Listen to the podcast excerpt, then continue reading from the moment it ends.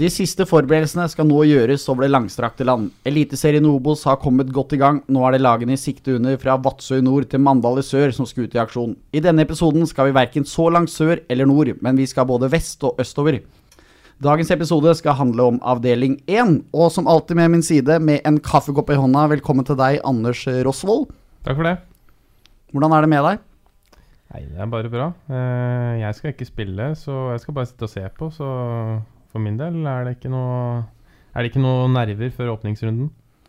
Ingen nerver hos deg, men eh, det er jo litt spesielt i dag, fordi eh, denne podkasten har nå fått besøk av sin aller, aller første gjest. Og selv om vi strengt tatt jobber med gambling, så har ikke vi valgt å gamble. Vi har heller valgt det trygge og hentet inn en mann som vi vet er en flink formidler, og ikke minst kan han mye om dagens tema. Så velkommen til deg, Eidsvoll turntrener Joakim Dragsten.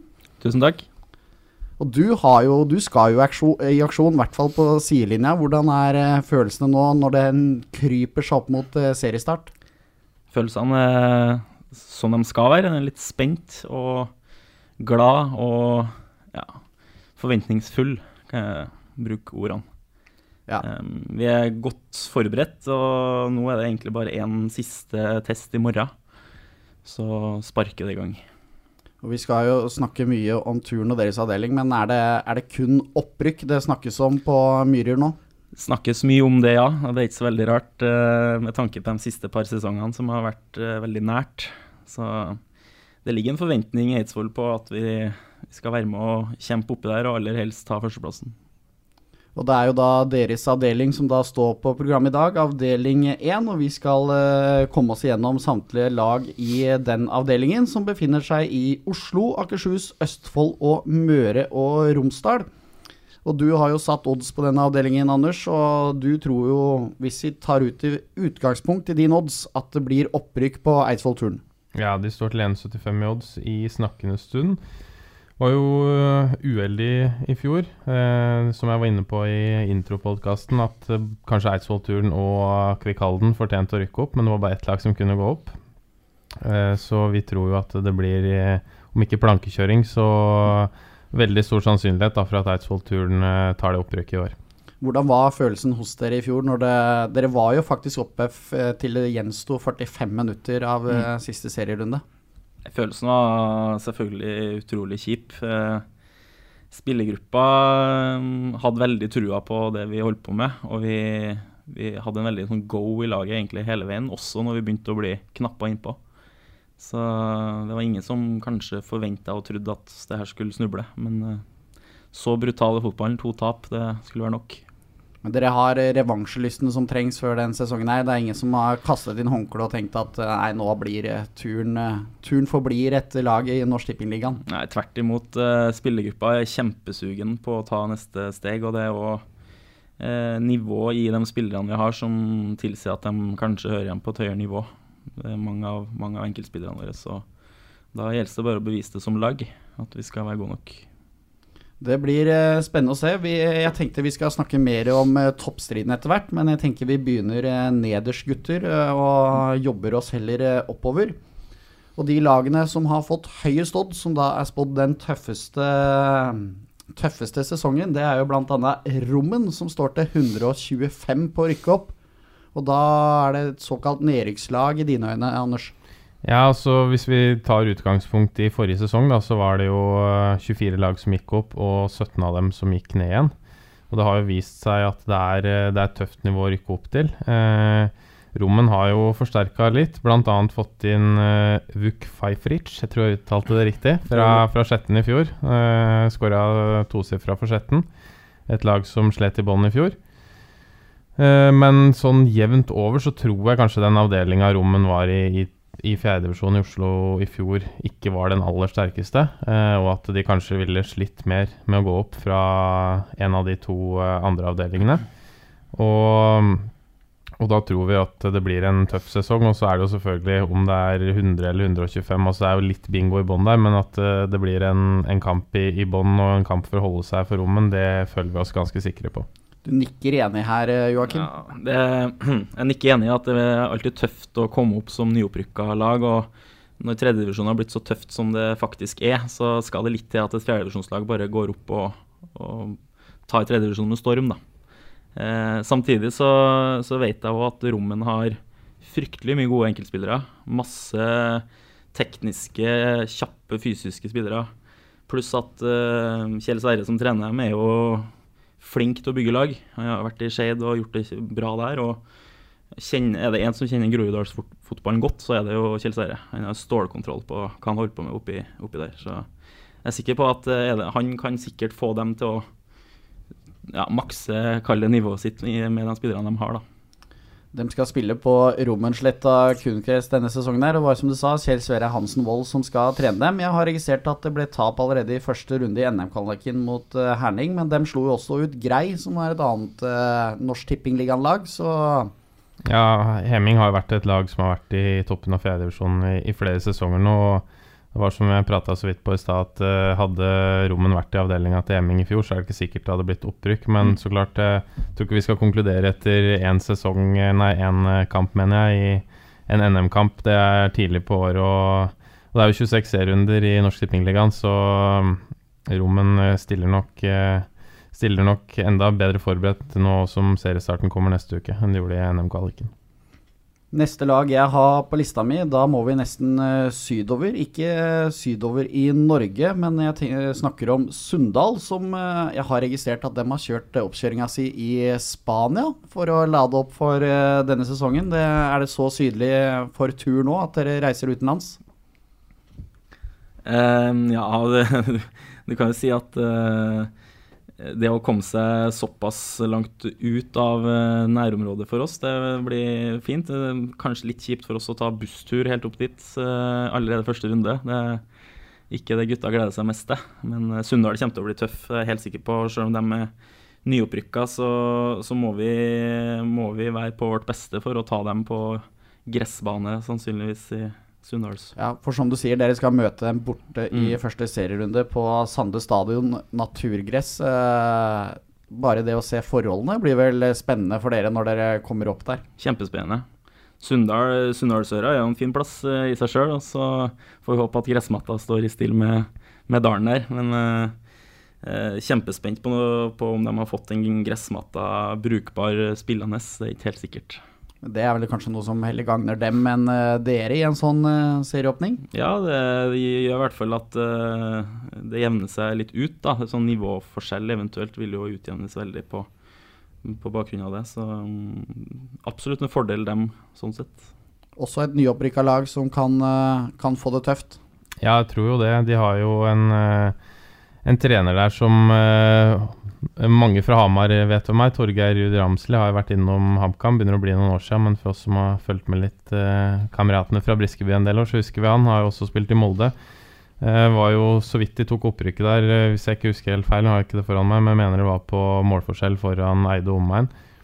Så mm, det er jo på en måte på hjemmebane de må gjøre det, på, på, på naturgresset sitt. Det, det, blir jo tøft for dem, men de har jo fått inn eh, noen forsterkninger. Eh, Blant annet uh, Ådne Bruseth, som spilte for Kristiansunds uh, Kristiansund ballklubbs andrelag på dette nivået i fjor. Uh, og så tok de jo seg videre i NM-kvaliken nå, har noe å se fram til der. Og så har de fått på plass Joakim Bjerkås, da, som kommer fra, fra KBK. Og ikke minst Tor Erik Torske, da, som har lang fartstid i, i KBK og skåra veldig mye mål i Obos-ligaen. Så de har en del spillere som på en måte har levert på det nivået her og høyere før, så jeg tror ikke de blir noen, noen kasteball, det tror jeg ikke. Men uh, en kamp for å holde seg, det er veldig naturlig, som vi prata på med Rommen. Med et nyopprykka lag, så, så, blir det det med å holde seg som blir målsettingen. Men så er det jo nå tre lag da som går ned, i motsetning til fire i fjor, så da er det jo igjen mye større sannsynlighet da, for at de nyopprykka kan holde seg på nivået. Vi kan jo ta det med reiser når vi først er inne på det. For dere skal jo vestover da til Møre og Romsdal allerede i første runde. Altså, hva tenker dere om at uh, det er dit dere skal reise i år? Dere måtte vel en tur til Bjørnevann bl.a. i fjor, men det var jo soleklart lengste. Mm. Uh, jeg tenker litt sånn at reisebelastning det må en uh, begynne å forvente litt nå på, på det nivået her. Og da det er klart Du kan jo ende opp sånn som Oslo-avdelinga eh, er i år, med avdeling to, vel, der det er ganske lite lange reiser. Og, så, og du kan òg ende opp i Nord-Norge annenhver helg. Men, eh, så sånn sett så syns jeg vi er ganske heldige. Seks turer til, til Møre og Romsdal er overkommelig, og de aller fleste er i, i nærhet av stor by, så vi kan ta ganske greit flytur fra Gardermoen. Så dere skal fly? Vi skal fly bortsett fra Sunndalskampen. Så er det et lite poeng med Sundal òg. Jeg meldte jo at dem kanskje hadde passa best i den avdeling fem eh, mm. før, før, oppsettet kom da, i fjor. Med Trondheim. Ja, for det er vel eh, var det tre timer omtrent til Trondheim. Eh, og, og, nå blir det jo veldig mye kjøring. Og det er jo ikke veldig mange lokaloppgjør. Det var vel mest lokale for dem er treff borte. Eh, tar vel en time eller annen. Så for dems del så hadde det sikkert vært like greit å havne i Trondheim, men jeg tenker når et sånn nyopprykka lag kommer og ikke har vært på det nivået her Eller det nivået her har de jo ikke vært på på Vet ikke om det har vært noen gang på et så høyt nivå. Så for dem, spillere og, og, klubben og alt, så tenker jeg at det er en kul opplevelse uansett. Så de gleder seg nok bare å få reise litt rundt i landet og, og møte nye lag. Et sted de skal, er jo da Årvoll kunstgress, hvor nyopprykka Årvoll uh, holder til. Glenn Bjørnar Andersen som uh, trener dem. Og vi skal jo være så ærlige å si at det er fredag når vi spiller inn det her, så Årvoll skal jo spille andre NM-kall i kveld mot Reddy, og da skal vel du følge med, Joakim? Ja, må jo benytte sjansen til å reise en tur og se på laget vi skal møte. Og Årvoll så jeg mange kamper av i fjor òg. En klubb som har litt, litt tilknytning til i forhold til at jeg jobba i Skeid i flere år. og har hatt mye spillere som har vært både i Årvoll og, og Skeid. Så på Årvoll midtbanen der så er det jo faktisk to som jeg kjenner veldig godt. Så det blir spennende å se hvor, hvor bra de har klart å komme seg i form gjennom vinteren. Og så er det spennende å se hvor mange av de såkalte profilene deres eh, som skal være med videre. Ja, for det er profiltungt det er det. Eh, lag på det nivået her. Vi må være så mm. ærlige, og det er mange navn som frister å titte litt på der, eh, Anders. Ja, det er det, men så er det jo mange som har sagt uh, takk for seg. Uh, Karl Erik Torp, Ende Olav Osnes, vet ikke hvor mye Simen Samson Møller skal være med i år. Kamal Saliti er i hvert fall med. Jeg ser, sitter og ser på laget det er lagt ut i kveld. Uh, Saliti han starter på topp. Og så har jeg lyst til å trekke fram Jens Rognve, som kommer fra Skeid. Jeg husker jeg, jeg bodde i Oslo og studerte for uh, mange mange år siden. Så husker jeg han uh, var liksom en som alle prata om i Skeid-miljøet der. Var up and coming. Har jo slitt veldig mye med skader, men på det nivået her, hvis han, uh, han klarer å holde kroppen ved like, så tror jeg han blir morsom å se på. Og så har det jo Jens Andersen i midtforsvaret der, til kaptein, tidligere kaptein på Grorud. Så det er, det er, ikke noe dårlig lag, det er det ikke. Så det blir spennende å se. Oddsmessig i kveld har vi Årvoll som en knapp favoritt. Reddy har jo også gjort en del uh, utskiftninger fra i fjor, bl.a. på trenersida, med Vegard Lundnes, uh, som uh, vi fra området her kjenner. Spilte i Brumunddal og HamKam, er fra Arena, så det blir en spennende kamp.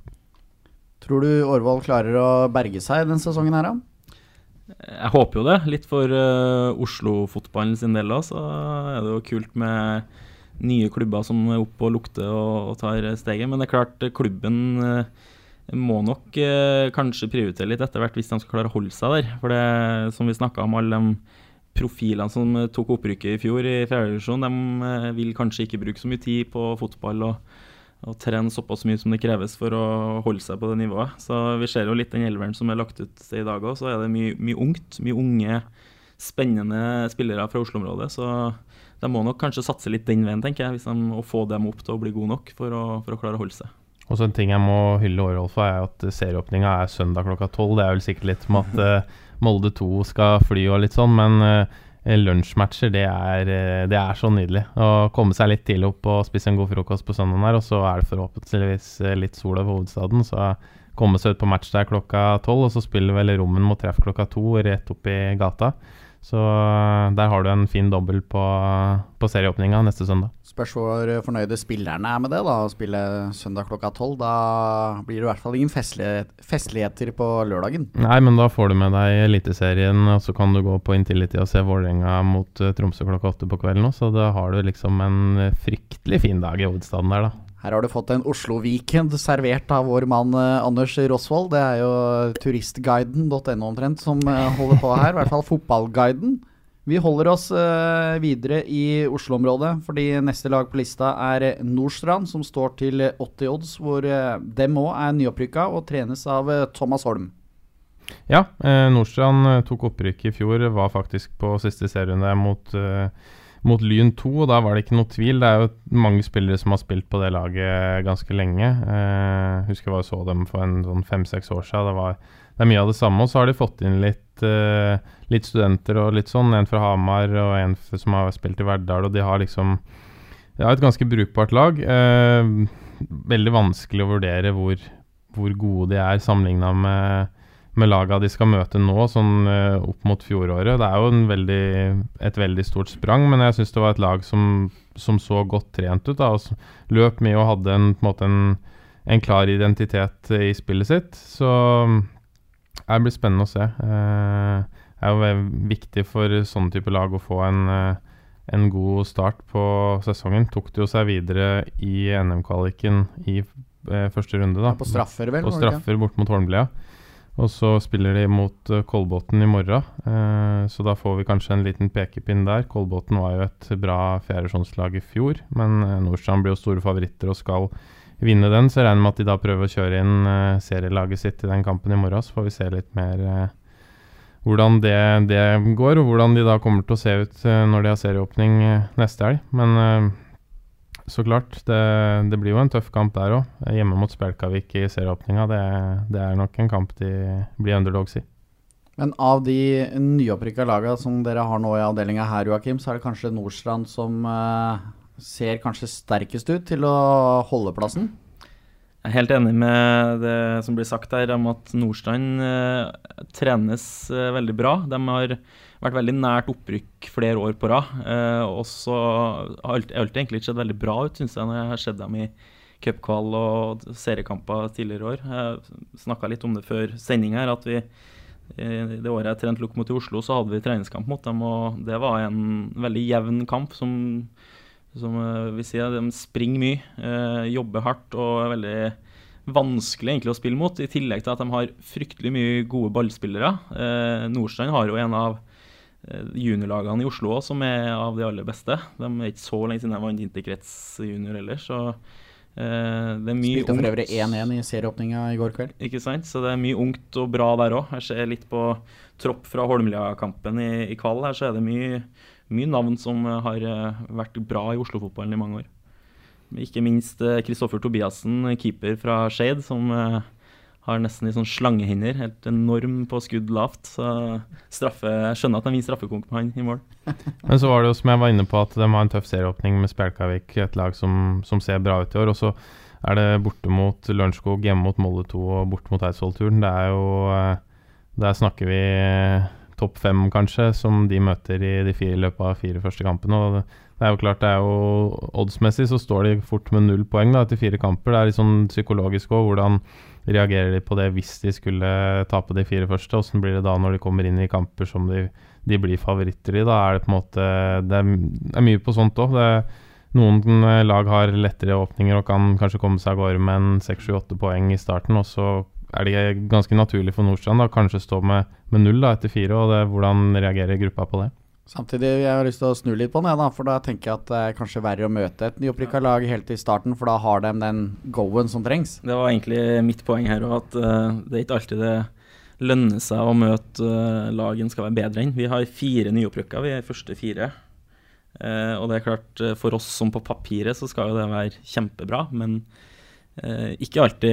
Det er mye psykologi inne i bildet her, og nyopprykka lag skal ta dem som har vært på nivå over. og Kanskje ikke minst lag som er tippa høyt. Nå skal det sies da at um, Selbakk er jo kanskje ikke representativt for de nyopprykka, men jeg var jo på serieåpninga på Myhrer i fjor, og det ble 5-1. Og det hadde vel ikke vært noe å si på om det hadde blitt 10-1. Uh, så, det, så klart, jeg vet ikke um, hva som er best, uh, å, å, møte nyopprykka eller uh, Altså, så lenge Eidsvoll-turen blir jo favoritter i nesten alle kamper i år, så og det var det i fjor også, det har mye av den samme gruppa. Så det er spillere som er vant til å takle, takle det favorittstempelet og, og, styre kamper. Vi hopper eh, vestover igjen. Jeg hoppet nemlig over et lag. Det er nemlig rekruttene til Ålesund. Nærmere da bestemt eh, Ålesund 2 og Tango-trøyene, som eh, 100 i odds har du satt, eh, Anders. Da er det kamp for å overleve, skal vi tro dine odds? Ja, de rykka ned så det sang for to år siden. Var det jumboplass og 13 poeng opp til, uh, opp til trygg grunn. Og, og, det var så vidt de rykka opp i fjor òg. Stilte egentlig ganske uh, brukbart lag utover sesongen. Uh, sesongen der eh, gikk opp målforskjellen foran Bergsøy. Eh, og de vant begge innbyrdes mot Bergsøy, så sånn sett var det fortjent. da. Det var de som tok det opprykket. Men da de vant 4-0 på, på, tampen av sesongen borte der, så skåra han Geie hat trick, han som ble matchvinner i Kristiansand mot Start for A-laget nå forrige helg. Så, så klart de stilte jo ganske bra i mange kamper i fjor, og det er de avhengig av å gjøre i serien i år òg. Vi ser jo det at det er mange eliteserielag og førstevisjonslag som har rekruttlagene sine på det nivået her, som sliter når de stiller eh, ungt. Ålesund stilte veldig ungt i 2017, og da var de ikke i nærheten. Eh, de har nok lært av det, men for Ålesund som klubb så er det jo selvfølgelig et opprykk til Eliteserien som, som, er det viktigste. Og jeg tror ikke Lars Bohinen sender eh, den spissen han vanligvis setter inn eh, i Obos-ligaen på en bortekamp i, i, Oslo på mandag, når de skal ha trening og og fokusere inn mot en ny kamp i Obos-ligaen til helga. Så, så, sånn sett så tror jeg de får en, en, veldig tøff sesong, og holder de seg, så bør de være veldig fornøyd med det. Eh, møtte Spjelkavik i treningskamp for en liten stund siden. Da røk de 0-2. Jeg har ikke sett laget til Ålesund der. Men uh, hvis jeg forsto Spjelkavik rett, så kontrollerte de fra start til slutt nesten uten å slippe til en eneste sjanse. og Hvis det er sånn Ålesund da skal stille uten hjelp fra A-laget, så tror jeg det blir fryktelig tøft. Noe å tilføye, Joakim, eller så hopper jeg videre, jeg. Ja. Jeg får bare ta med at uh, Tor Rogne Aarøy har skifta beite og blitt uh, en del av trenerteamet der. Så det kanskje skal jobbes inn og 3-5-2 og inn i boks der. Vi får se. Ja, og Han var jo reservekeeper en del matcher i fjor, så kanskje Ålesund også skal spare penger og ha med Tor Rogne på, på, benken der. Og hvor vanskelig kan det være, som han sa? Ja. Det er i hvert fall denne podkastens ønske at vi får se Tor Hogne Aarøy med keeperhansker i løpet av 2019-sesongen. Så får vi se om vi får ønsket oppfylt. Vi hopper litt eh, oppover, og det er eh, i oddsen som ligger ute på denne avdelinga, så er det et lite skille fra Nordstrand opp til Herd, som står til 45, og da er vi, nærmer vi oss øvre halvdel av uh, denne avdelinga. Ja, Herd hadde egentlig en skuffende, skuffende fjorårssesong. Eh, ble riktignok nummer sju, men det var tre poeng ned til nedrykk. Eh, veldig hjemmesterk eh, tradisjonelt sett. da. Eh, var vel i 2017 at de gikk ubeseira gjennom på, på, eget gress, og så vant de mange på tampen av året før der òg, så jeg tror de var på 29 kamper uten hjemme, hjemmetap før de møtte Rilinja i andre serierunde i fjor og, og røk hjemme der.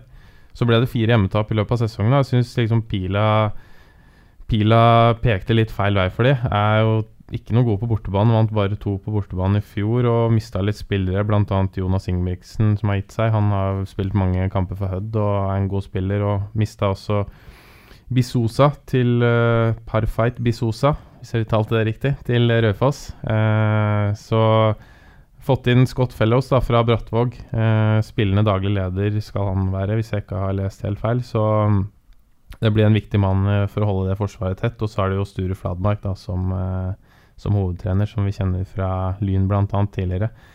Så jeg tror, eh, jeg tror Heid får en ja, Jeg tror ikke de går ned, men jeg tror ikke det blir noe jubelsesong. Det tror jeg ikke. Men uh, hvis du skal tro Anderseth her, så blir det ok å få besøk av dem på Myrer, men det blir verre å reise dit. Ja, det, jeg tror alle matchene egentlig på Mørekysten der blir tøffe. Da. Sånn, det er min innstilling til det her. Så, eh, men samtidig så, så, forventer jeg og håper at vi skal, vi skal, også dra ut dit og prøve å være like gode som på Myrer. Så får vi se. Men jeg kan bare legge til at de har mista keeperen sin fra i fjor. Mm. Han eh, var faktisk og trent litt med oss i vinter og endte opp til slutt i Ullern.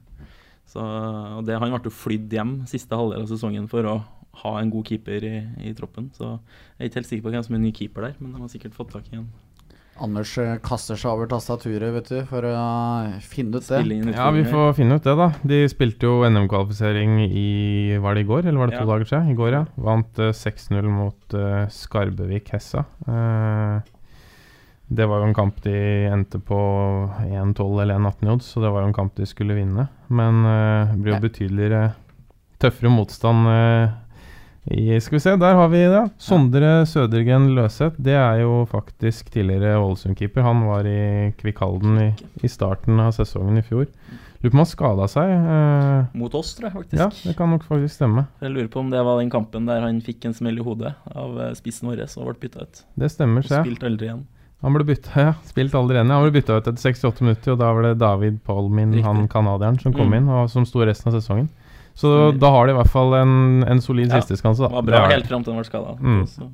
Vi skal ta litt selvkritikk på at vi nevner eh, i går og i dag og i morgen eh, etc. Jeg vet jo ikke når eh, du der ute hører på den her. Jeg får minne om at vi da spiller inn den her på fredag. Så når Anders her snakker om i går, så var det altså torsdag kveld han mener. Men vi hopper videre til et nytt fylke.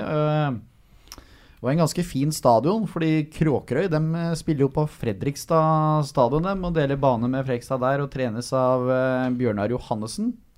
Du syns det er en fin stadion, men uh, nå er jo Kråkerøy har jo hatt et ønske om å komme seg tilbake på egen matte, men det har jo blitt noen nye regler på, på kunstgress der, miljø, og jeg skal ikke gå inn på hele den. Det kan dere som hører på sikkert google dere fram til å lese om. Det er ingen fin breddearena, det er jo ikke det jeg mener, men øh, det, det er noe plass til en del på den stadion, det får vi lov til å si. Det er det, men hvor sjarmerende det er med 100-200 på, på kamp der, sånn kontra om de hadde fått spille på, på egen bane med eget klubbhus og eget arrangement, det, det Ja.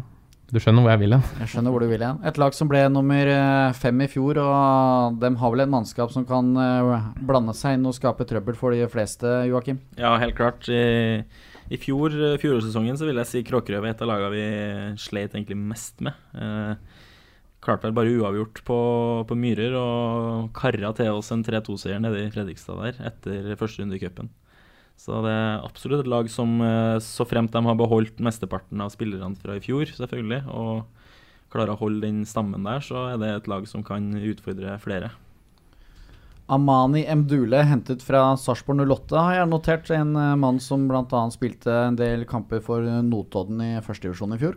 Ja, det er en bra signering. Eh, og så har det vært litt Det har ikke vært det enkleste lag å følge med på. Jeg ser på Twitter-kontoen deres at siste oppdatering var eh, lille nyttårsaften, så da eh, er det liksom litt vanskelig å vite hvordan det har gått i alle treningskamper og sånt. Eh, hadde jo Ole Heieren Hansen der i fjor. Eh, den VG-saken om eh, de største stjernene i, i tredjedivisjon NT Norsk Tippingligaen, så, så sto det jo at, uh, som Vegard Bakke eh, skrev, at uh, Heieren Hansen han spiller sannsynligvis ikke i år. Uh, men de har fått inn Anders Østli, tidligere Sarpsborg 08, Lillestrøm, proff i Danmark osv. Han kommer fra Moss, det er jo en god forsterkning. Så har de, de har mista, mista litt spillere bakover. Så det er liksom Oddsmessig da, så er det liksom Det er jo et lag med, med potensial. Man må jo tenke litt sånn nå når man setter en sånn sesongodds. Eh, kanskje laget ikke ser på en måte ekstremt bra ut akkurat i snakkende stund. Men så er det et lag som på en måte har potensial til å få inn en, en to-tre spillere, og så blir de mye bedre. Så man kan på en måte ikke tilby 100 odds fordi, man, eh, fordi et lag ikke ser veldig bra ut akkurat nå. Det kan, eh, kan være at laget kan hente inn noen og, forsterke seg. Og der nede i Nå sier jeg ikke at eh, jeg tror eh, eh, Kråkerøy kan være med å kjempe i toppen, men eh, som Joakim sier, at de var jo var brukbare i, i enkeltmatcher i fjor. Over en lang sesong så tror jeg det blir litt tøft, men et lag som havner sånn rundt midten, det, det er vel ganske naturlig å, å spå i utgangspunktet. Du nevnte Twitter her, at Kråkerøy ikke var så aktiv på Twitter, men det er det mange andre klubber som er, og det er vi veldig glad for, for det er en veldig fin plattform å følge med på. Så håper jeg at dere fremover ønsker å bruke hashtaggen NT-ligaen, som vi har tenkt til å følge og promotere videre i denne podden. Neste lag på lista det er eh, Spjelkavik, og det er også et annet lag som har kjørt utenlandsopphold i eh, denne sesong, eller oppkjøringa til denne sesongen. De har vært i Tyrkia og spilte senest 1-1 mot eh, Molde 2. Jeg syns det er ganske kult ja, at uh, du nevnte det med Twitter, for et lag som virkelig er sterke på Twitter, det er Spjelkavik. De har jo Ja, det her jeg bare satt og bladde litt i, i dag tidlig, og det er jo jeg bladde og bladde og bladde, og jeg var, kom fortsatt ikke ned på 2018. Så det har jo vært eh, helt ekstremt sterke, og det er jo Altså, det gjør noe. Jeg tror det gjør noe for eh, selvfølgelig for oss som ikke er tett på i nærområdet, men også for folk som følger klubben, syns det er kult. Og, og da kan vi jo ta opp uh, sesongtipset deres, da, som de kom med da torsdag. Det var Jeg leser fra sisteplass da opp til andreplass. Det var det spiller ingen rolle hva folk spår, for det er umulig å forutse. Det var 14. til andreplass, og på førsteplass er det Spjelkavik. Så den var fin. Men de har også hatt mye mm, gode resultater i treningskampene i vinter, og Ja, avslutta nå med 1-1 mot, uh, mot Molde 2. Uh, spillemessig var de klart best, hvis vi skal tro dem selv. Og også slått Ålesund 2, som jeg nevnte. Og, og spilt uh, jevnt med Hud, så det, det, ser bra ut. Fått inn en del, eller tre mann fra Brattvåg, bl.a. Uh, Henrik Hansen i mål der. Daniel Stensø på midten. Det, det, ser, det, ser, brukbart ut. Og så er jo det det andre laget i avdelinga som spiller på naturgress. Og det, det tenkte jeg litt på i dag tidlig, at jeg vet ikke hvor mange av de gutta som spiller på kunstgress, som har et par med, med skruknottsko. Ja.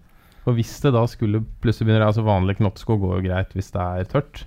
Men hvis det da skulle begynne å regne, da hvor mange av ja, la oss si f.eks. Eh, Nordstrand-gutta har med seg eh, har med seg eh, skruknottsko oppover til eh, Sunnmøre. Det, det, kan nok bli litt sånn eh, med tøfler oppå der da. Må kjøpe inn skruknotter nå, Joakim. Ja, jeg tror eh, vi hadde et par gressmatcher i fjor òg, så jeg tror våre gutter er skodd godt nok, i hvert fall. Men uh, det er klart, uh, Spjelkavik borte der er en kamp vi, vi, absolutt har respekt for. Og som jeg nevnte før vi starta i dag òg, vi har to, to gresskamper borte i år, og begge de to første bortekampene av sesongen vår. Så vi, vi får en ordentlig tøff uh, utenlandsreise, tenkte jeg å si. Reise utover til resten av Norge der, med rest på naturgress og kanskje ikke beste banene du får òg. Sånn i starten av mai. Det er gøy å få terminlista, så ser du at det blir gresskampen havner eh, Første gresskampen havner 13. april. Det er liksom mm. jippi.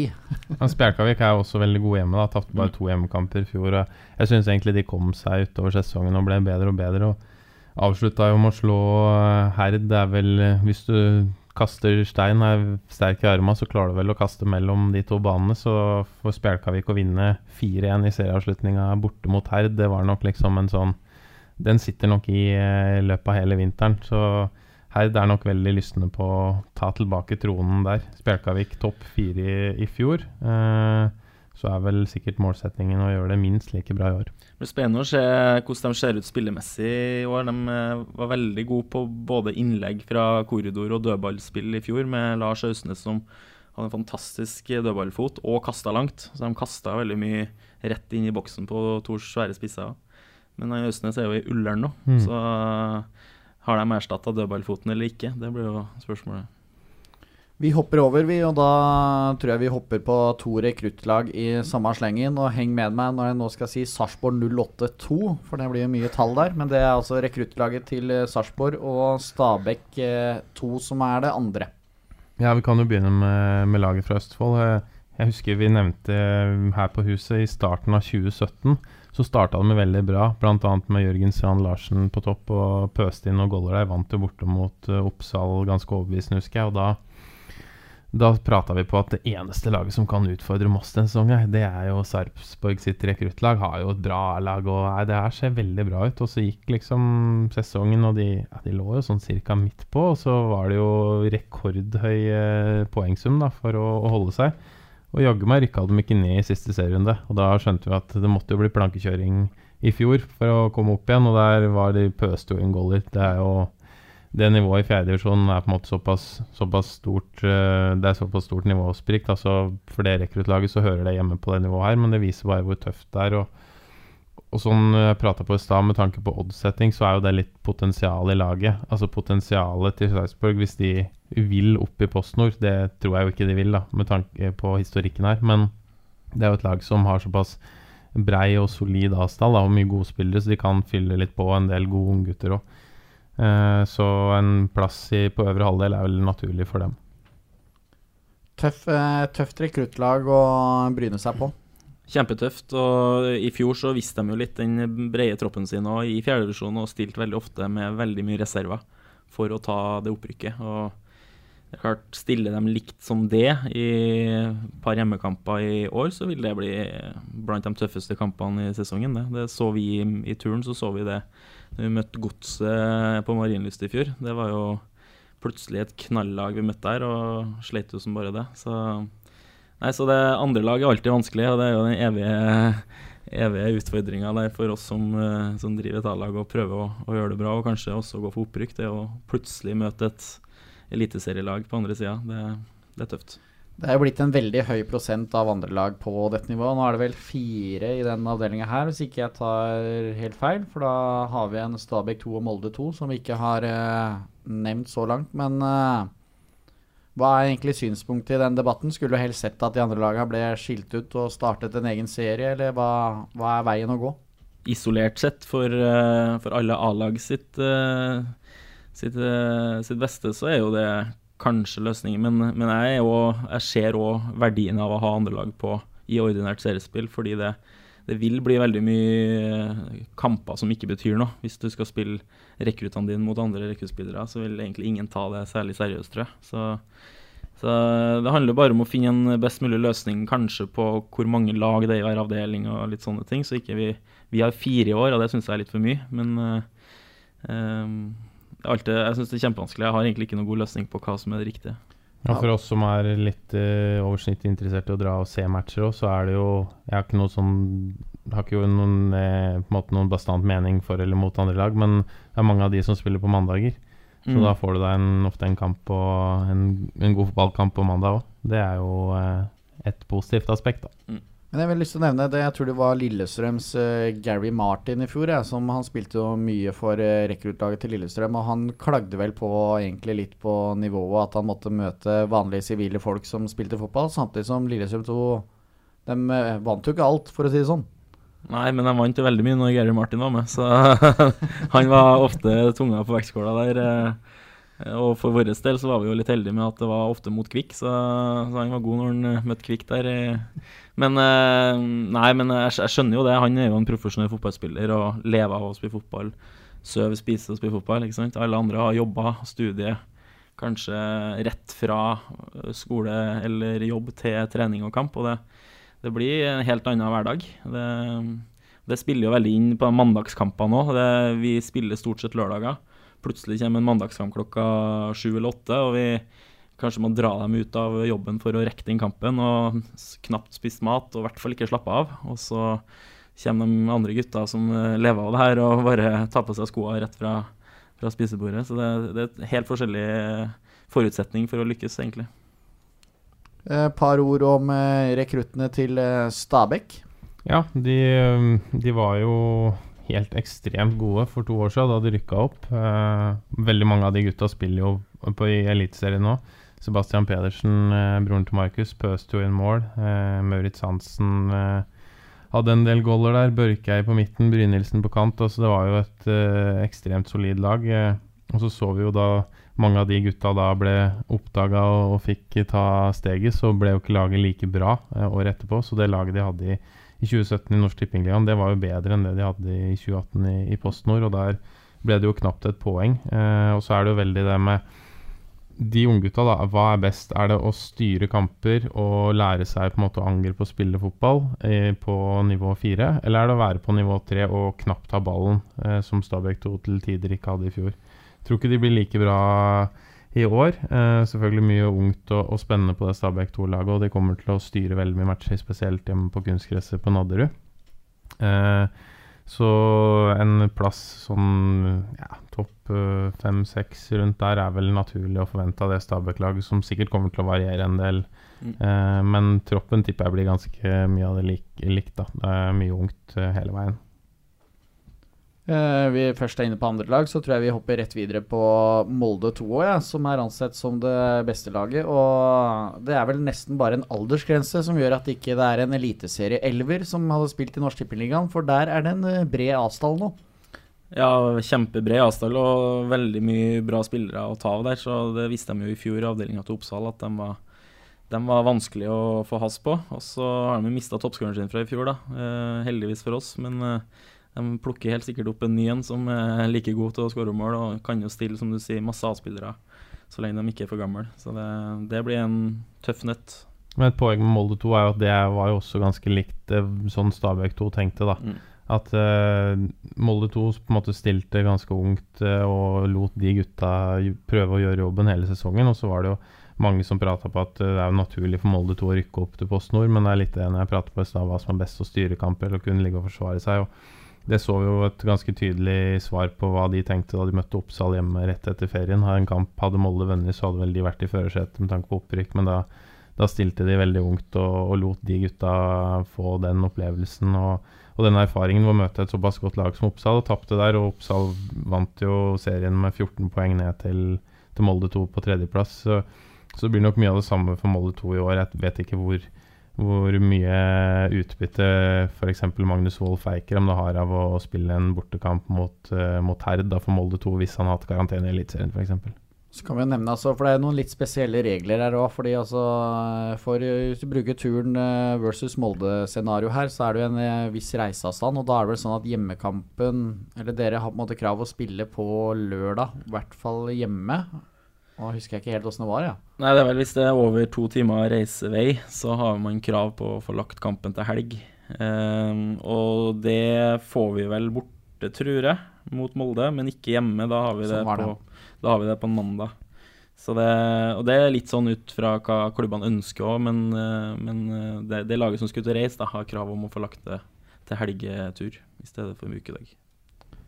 Reise blir det også når dere skal bort uh, vestover for å møte Treff, eller Treff, alt ettersom. Uh, laget sneik seg foran Molde 2 i fjor og ble nummer to bak, uh, bak Oppsal. Og de har vel, Jeg syns jeg så på Twitter i går at ambisjonen er eh, topp fire i år òg. Det sa de i fjor òg, og da gikk det veldig greit. Så da følger de en vinneroppskrift. Ja, eh, mista toppskåreren sin, Alexander Jonassen. Han har reist til Brattvåg. Også Lars Hauso, forsvarsspiller til Oppsal. Ellers er det stort sett, eh, stort sett det samme laget. Kan jo hanke inn litt eh, litt studenter fra høyskolen i Molde der òg. Uh, har jo vært en, en traver i gammel andredivisjon i, i mange år. Har fulgt, med, fulgt, litt med treff egentlig i mange år. Faren min spilte der på, uh, på slutten av 80-tallet.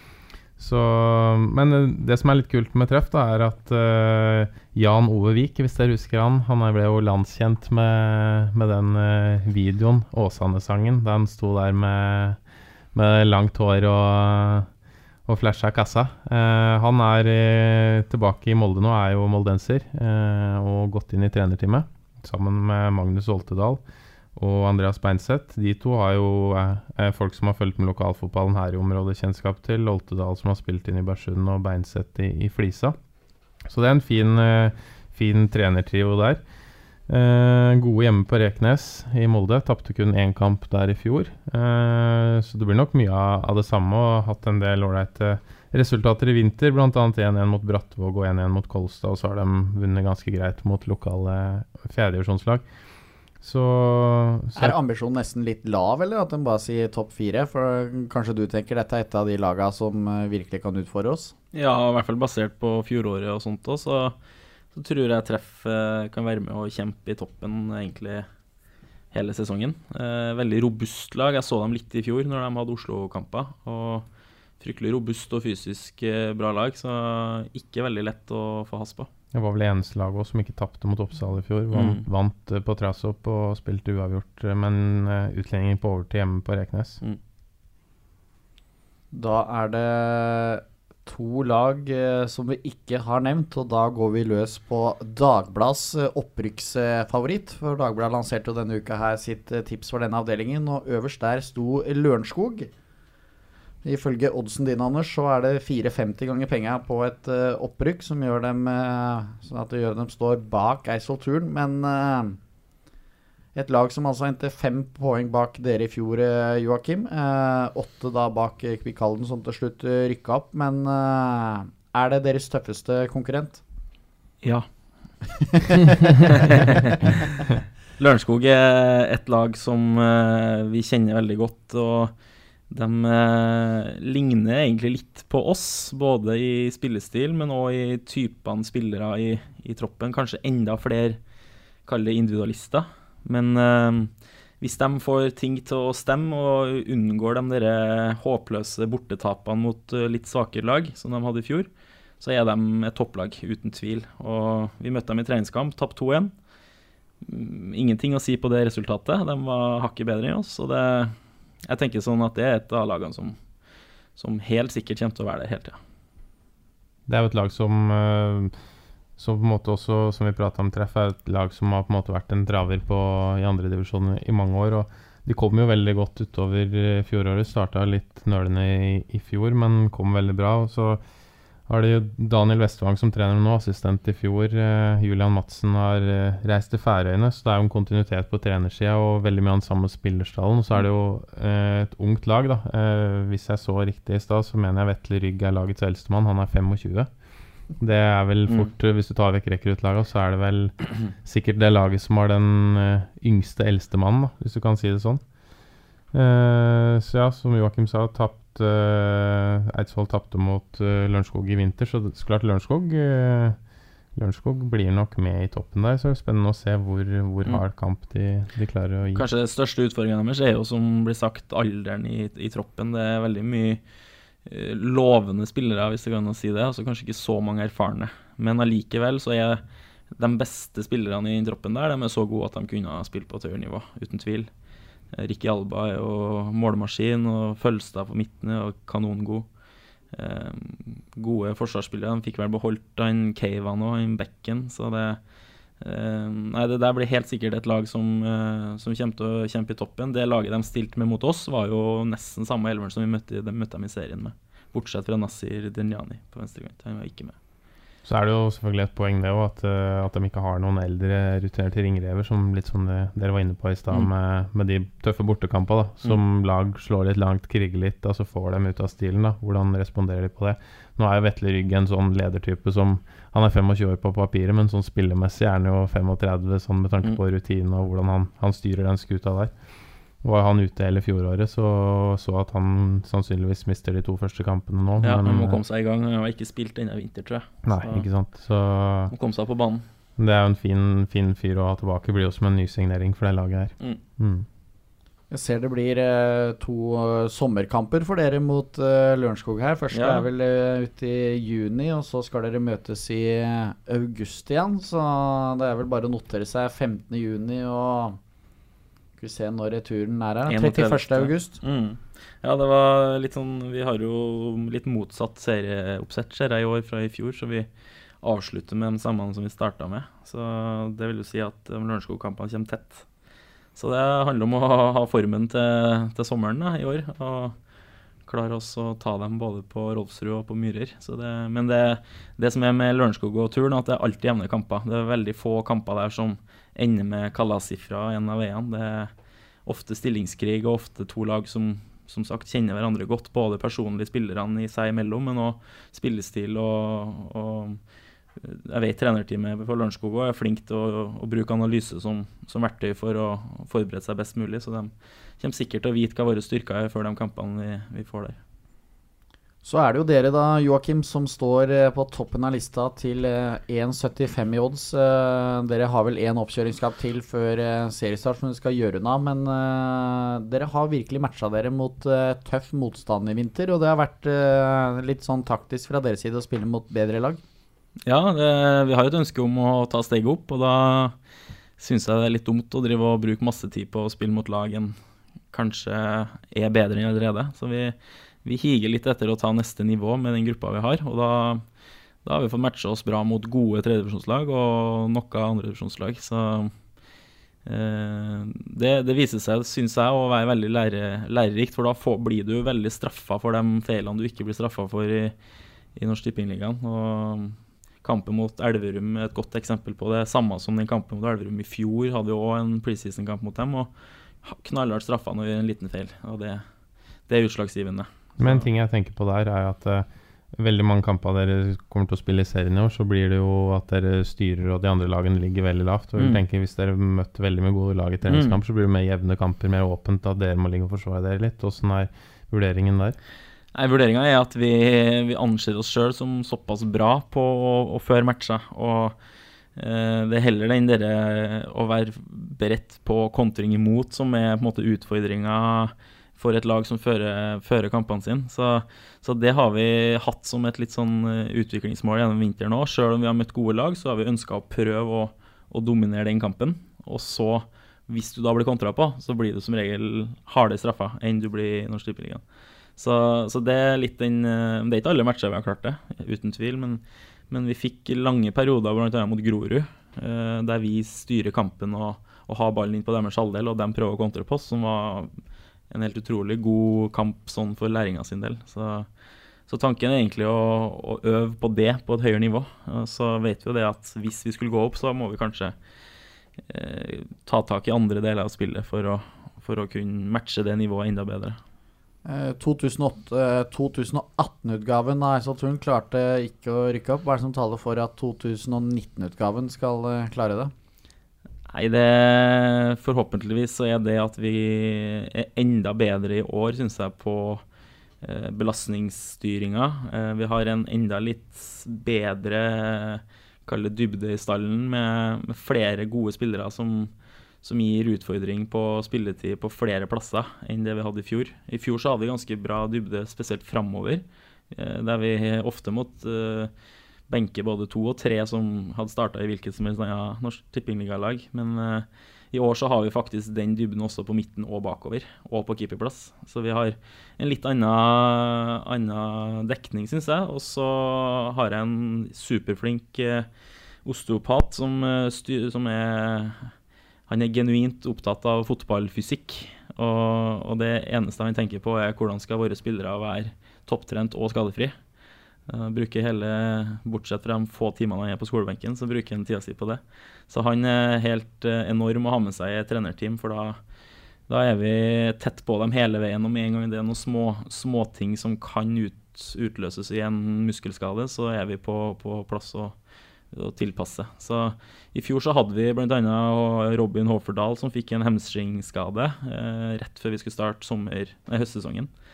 Så når han måtte ut, og så i tillegg gikk Tiri til, til Raufoss, og så fikk vi to skader til i Elveren eh, tidlig på høstsesongen, så var vi egentlig Da var, var den sesongen litt kjørt, det viste seg.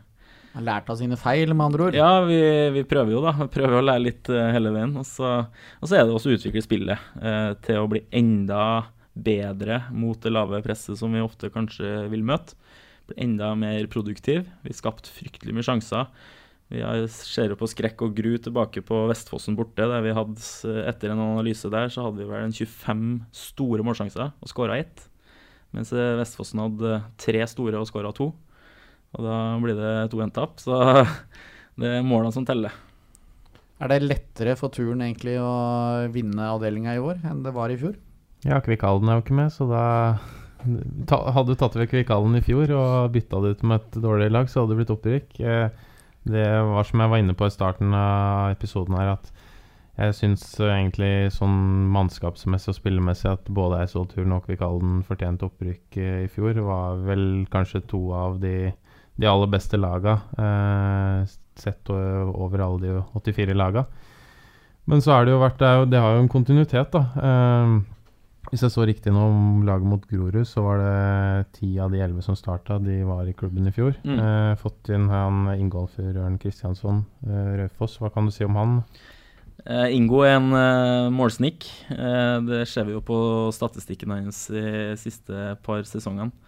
Eh, spilte jo for øvrig i Herd, så banka han skåringa der. Eh, og ble jo da plukka opp av Raufoss. Og så var, var, han en god nummer to, men det, det, gjorde at han ikke spilte så veldig mye i Raufoss i fjor. Men det ble mye fjerdedivisjon og mye målskåring der òg.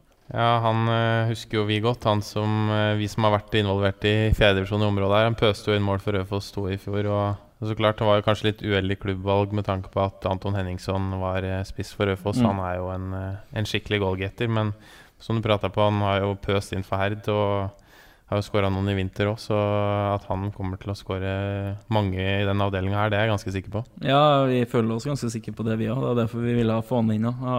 Fantastisk type, ikke minst. Så han, eh, han, har jo til og med fått en rolle i, i um, ungdomsavdelinga som trener til oss for å Uh, han, er, han, er, en kjempebidragsyter i garderoben og på banen. Og så får vi han i gang ordentlig, så blir det her kjempebra. Han starta jo med tre skåringer i første treningskampen han spilte for oss, så da får vi litt trua. Da står en trener med hjerte-emoji i øya, skal jeg til å si. Ikke sant. Eh, men det er også å finne rollen i laget. Det er jo klart en veldig sånn samspilt gruppe vi har. Eh, som du sa, så var jo ti av elleve som spilte i fjor, som starta mot Grorud forrige treningskamp. Så det, mm, det, det handler litt om å bare komme seg inn i gruppa og i spillestilen. og finnes, bruke sin styrke for laget sitt beste. og Det er det vi jobber med nå. Så syns det blir bedre og bedre. Så da håper vi at det er klart til seriestart. Vi får nevne helt til slutt her altså hele første runde i denne avdelinga. For den sparkes uh, i gang uh, lørdag 13.4 med Da er det én, to, tre kamper. Nordstrand mot Spjelkavik, Herd mot Kråkerøy og Sunndal mot Eidsvollturen. Søndag så er det Årvoll mot Molde 2, Rommen mot Treff. Og så er det mandag med Ålesund 2 mot Stabæk 2 og Sarpsborg 08-2 mot Lørenskog. Og da Jeg tipper at det blir to kamper på deg live. Minst. Kanskje, Minst. kanskje flere. Det var ikke snakk om to på søndagen der. Så da Rekker både Årvoll og Rommen hvis du har bil. Få, få med to der i Oslo, og så har vi jo vår egen. Men vi skal jo hjem igjen på, i løpet av natta på, fra Sunndal, så får vi se når det blir. Hvor mye en må sove. Det blir nok kamper på deg, i hvert fall. Jeg skal prøve å se noe neste helg. Planen det, så får vi ikke helt bestemt meg hva det blir ennå, men det, noe blir det. Det er jeg mm. helt sikker på. Ja, Det blir deilig når vi endelig kommer i gang snart. Eh, som nevnt tidligere, bruk hashtaggen NT-ligaen hvis du er på Twitter. Eller så kan du komme i kontakt med oss enten via Oddsen sin eh, Facebook-side, eller send en mail til fotball at norsk-tipping.no. Og dette er jo da et hint at jeg driver og runder av her. Har du noe du vil tilføye til slutt, eh, mister Anders Bredeball? Nei, Jeg syns det ble en bra episode. Fin, uh, fin start på, på avdeling 1. Så gleder vi oss alle sammen til å se mye kule kamper derfra.